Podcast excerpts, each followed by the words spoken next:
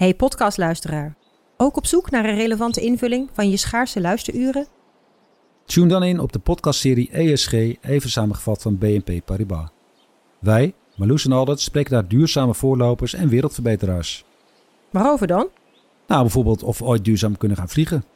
En waarom koeien in de stad nou een goed idee is? Dat en meer elke twee weken in een nieuwe aflevering. Dus abonneer je. ESG, even samengevat.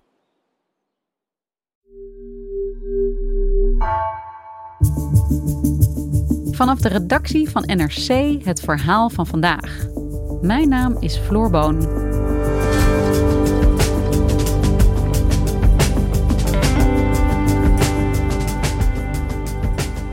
Vandaag dient het kabinet een wetsvoorstel in dat 2G mogelijk moet maken. Een systeem waarin alleen nog mensen die gevaccineerd of genezen zijn toegang hebben tot bepaalde sectoren en ongevaccineerde mensen worden uitgesloten. Het leidt tot diepe verdeeldheid. Pim van den Doel legt uit waarom dit misschien de eerste coronamaatregel wordt waar de Tweede Kamer niet mee zal instemmen.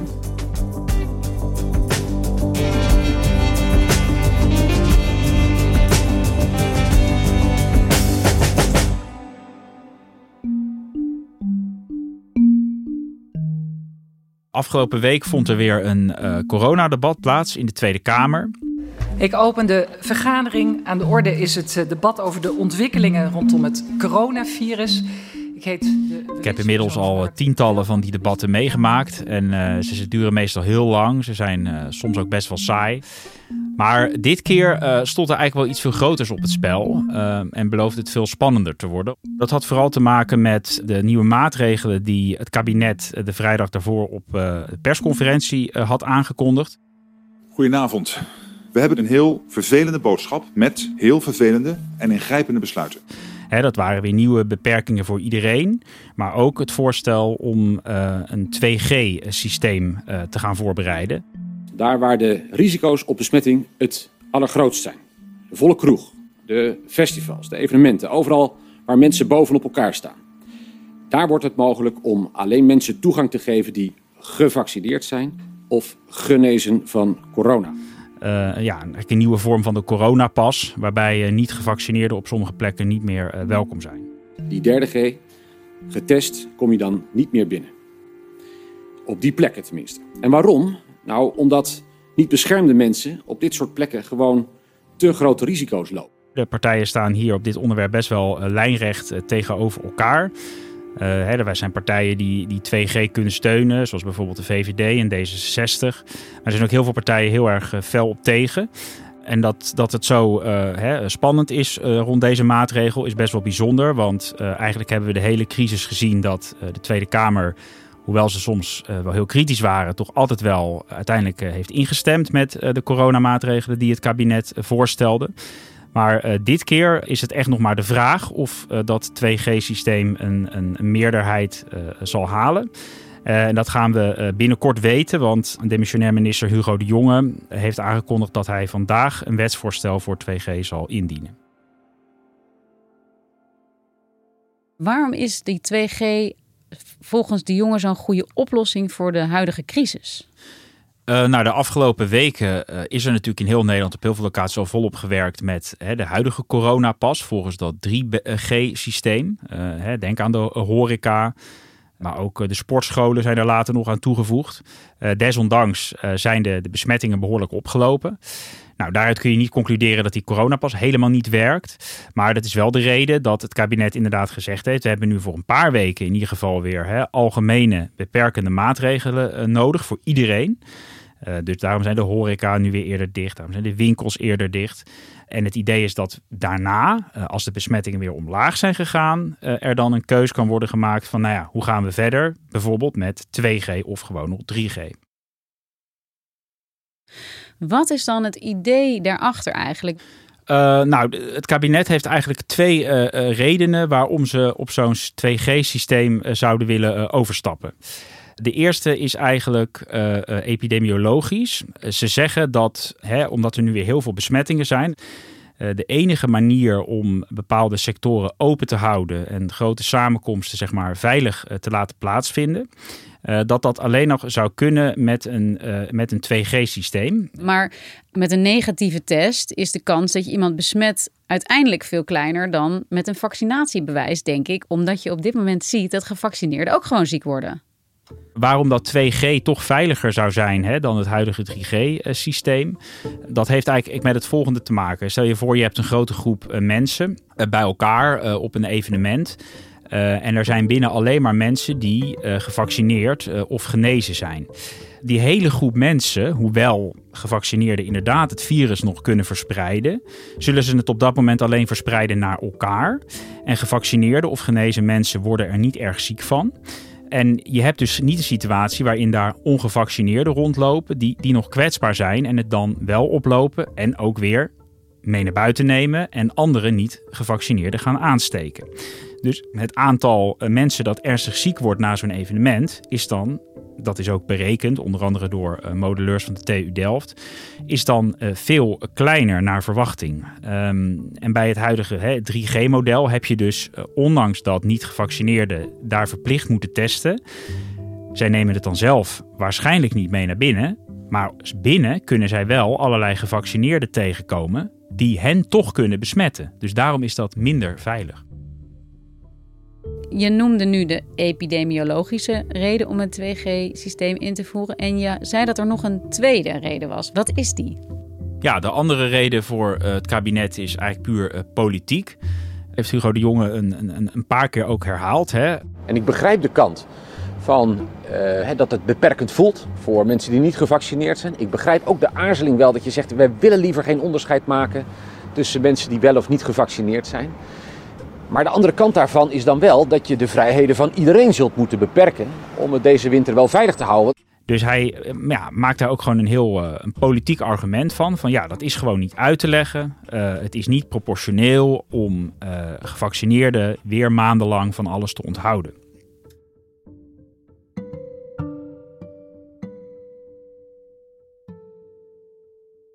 Hugo de Jonge wil dit dus heel erg graag, maar de Tweede Kamer is verdeeld. Wat zijn de bezwaren eigenlijk van de tegenstanders?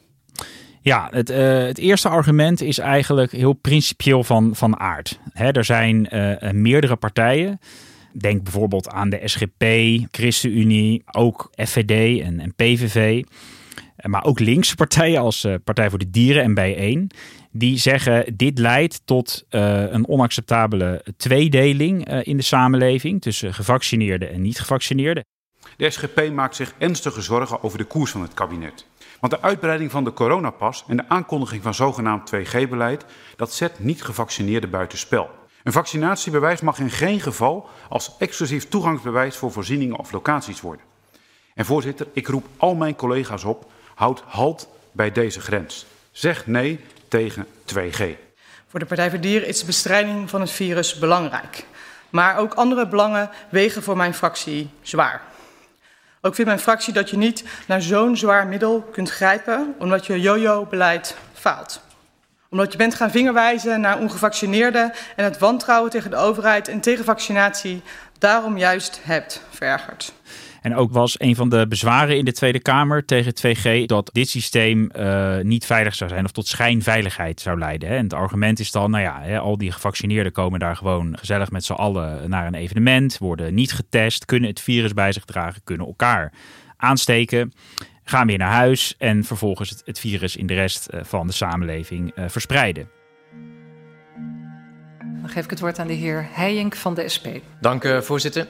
Kabinet staart zich blind op de inzet van toegangsbewijzen. En dat is niet slim. Het gebruik van toegangsbewijzen kan tot gevolg hebben dat mensen overal de basisregels loslaten. Dat er nergens afstand wordt gehouden en mensen zich niet meer laten testen met klachten.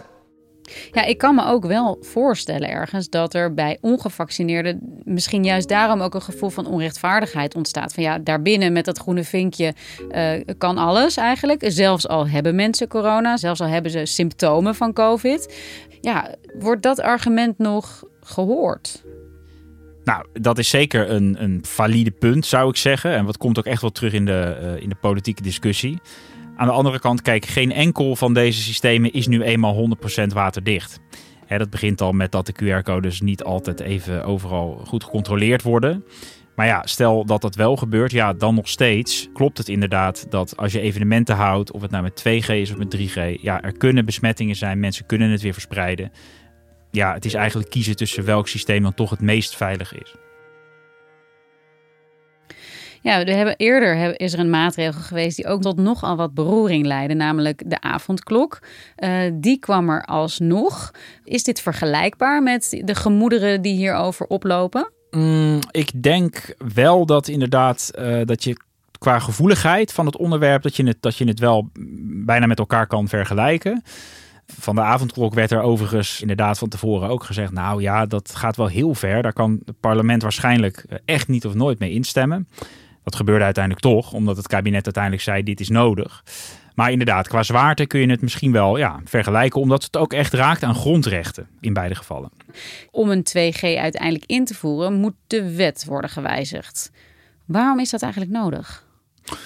Uh, nou, dat is nu nodig omdat uh, de coronapas, hè, zoals we die nu al kennen, uh, de 3G-pas eigenlijk, die staat in de, in de coronawet, zoals we dat noemen. Dat is de wet waar alle mogelijke maatregelen tegen het virus in zijn opgenomen. En uh, ja, tot nu toe uh, staat er gewoon in de wet dat als je die coronapas ergens gebruikt, dat je dan drie opties hebt om binnen te komen. Dus met het vaccinatiebewijs, met het herstelbewijs en met dat negatieve testbewijs.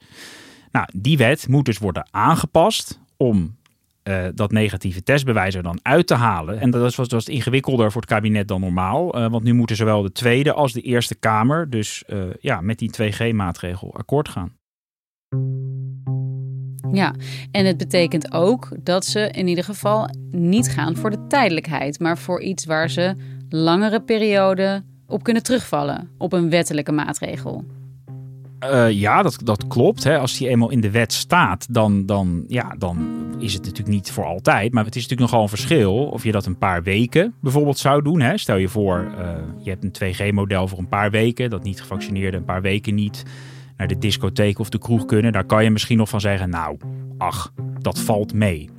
Maar als er deze maatregel de komende maanden, of misschien wel langer dan een jaar nodig is, ja, dan is, het natuurlijk, is de impact natuurlijk heel veel groter. Ja, en bij de avondklok weet ik nog heel goed, uh, ik denk iedereen, die zou aanvankelijk ook voor een korte periode worden ingevoerd. En dat bleef veel langer van kracht.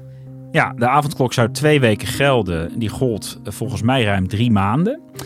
En een heel goed voorbeeld is ook de huidige coronapas zoals we hem nu al hebben, hè, met 3G. Toen beloofde het kabinet, uh, we zullen dit hopelijk zo kort mogelijk nodig hebben. En per 1 november was de hoop, zouden alle coronamaatregelen komen te vervallen. Nou, het is nu eind november en we praten niet over het schrappen van alle coronamaatregelen, maar over een nog zwaardere coronapas. Misschien wel met 2G. Dus ja, het is gewoon nog best een goed argument. En zo gaat het vaker in deze crisis. Dat, dat dit zomaar veel langer kan duren dan eerst de verwachting is. Ja, Pim, dat zijn nogal wat fundamentele bezwaren.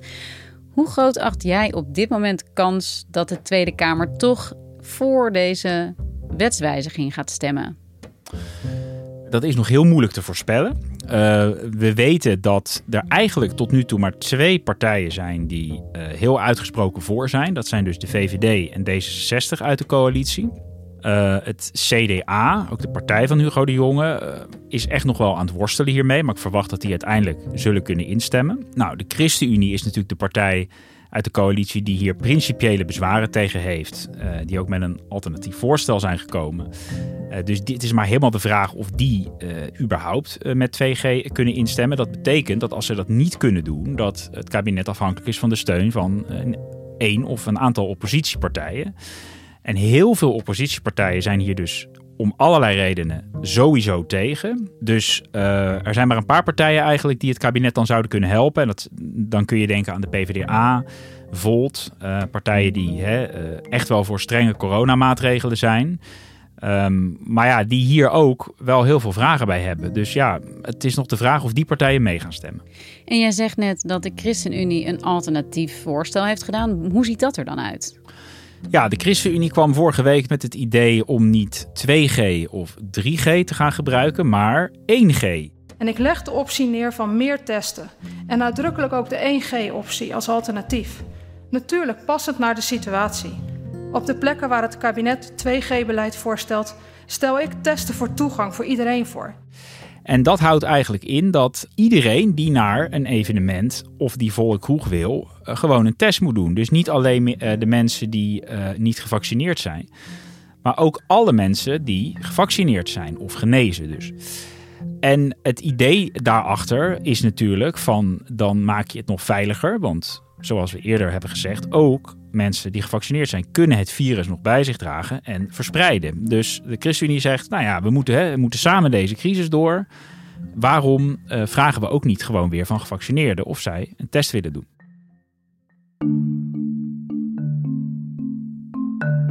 En als dat misschien wel het meest veilige zou zijn, want dan heb je inderdaad niet die gevaccineerden die met hun groene vinkje ook met klachten zeg maar ergens naar binnen kunnen. Waarom zou dit niet een goede optie zijn dan? Nou, uh, het is inderdaad, als je puur vanuit de virologie kijkt, misschien best een hele goede optie. Maar politiek en praktisch zitten er toch ook wel weer behoorlijk wat haken en ogen aan. Kijk, het zou wel weer een hele grote belasting zijn hè, van die grote meerderheid ook van gevaccineerden. Terwijl hen maandenlang beloofd was van joh, het vaccinatiebewijs geeft je die vrijheid, geeft je die toegang tot de horeca, tot leuke dingen, tot evenementen. Ja, dat je die toch weer, dat die weer allemaal zouden moeten gaan testen. Een ander probleem van 1G is eigenlijk meer praktisch en logistiek van aard, is dat je een ongelooflijke grote groep mensen moet gaan testen. En ja, het kabinet zegt ook, ja, eigenlijk hebben we daar de capaciteit niet voor. En is dat heel moeilijk te organiseren. Ja, dus uh, praktische bezwaren en naar die, al die gevaccineerden toe. Dus als je het zo vertelt, dan lijkt de kans van slagen eigenlijk niet heel erg groot van dit 1G-plan. Hoe nu dan verder? Nou, het wordt dus interessant of inderdaad het kabinet dat 1G-plan nog serieus neemt. Hè, en daar inderdaad nog serieus naar, naar wil kijken. Uh, maar goed, in die wet zal waar toch waarschijnlijk echt de 2G-optie uh, uh, terechtkomen. ja, en dan zal het van de Tweede Kamer dus gaan afhangen of het kabinet de mogelijkheid krijgt om dat 2G binnenkort te gaan gebruiken. Uh, ja, en als dat niet zo is, als ze dat afwijzen, ja, dan blijft eigenlijk alleen het 3G-toegangsbeleid uh, uh, over als optie. Zoals we dat nu kennen. Zoals we dat nu kennen. Maar zal minister Hugo de Jonge misschien zeggen: ja, sorry, dat vind ik niet veilig genoeg. dan moeten sommige sectoren toch weer dicht.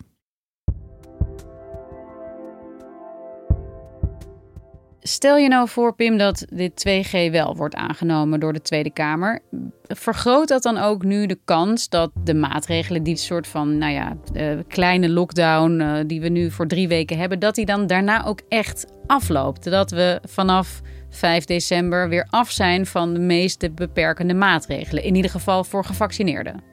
Nou, dat is nog maar helemaal de vraag. Want het kabinet heeft gezegd: uh, we kunnen uh, die maatregelen eigenlijk pas opheffen en overstappen op 2G. als de besmettingen ook heel fors zijn gedaald. Kijk, of je nou 2G hebt of 3G of, nog, of 1G. Zo'n systeem op zich is niet genoeg om het aantal besmettingen omlaag te brengen. Want als je gewoon heel veel evenementen weer organiseert dan maak je die met dat systeem ietsje veiliger, maar er kunnen nog steeds extra besmettingen uit voortkomen. En daarom is het dus eerst belangrijk dat die besmettingen überhaupt heel erg omlaag gaan. Ja, dus eigenlijk is het meer voor de hand liggend op dit moment dat de maatregelen strenger worden dan dat ze zullen worden versoepeld op korte termijn. Ja, als de cijfers niet gaan stabiliseren en verbeteren, dan denk ik dat we hè, over een paar weken niet uh, praten over uh, 2G, 1G of 3G, maar dat helaas weer voor de hele samenleving misschien wel nieuwe lockdown-achtige maatregelen op tafel komen. En dan hebben we er uiteindelijk dus helemaal niets aan, aan deze discussie die nu zo verhit wordt gevoerd in de samenleving. Nee, dan hebben we er nog even niks aan gehad. Nee. Dankjewel, Pim. Graag gedaan.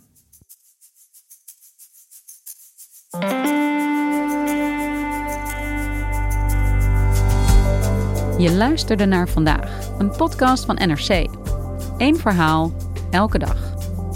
Deze aflevering werd gemaakt door Henk Ruigelijk van der Werven, Iris Verhulsdonk, Allegria Ioannidis en Jeroen Jaspers. Dit was vandaag. Morgen weer.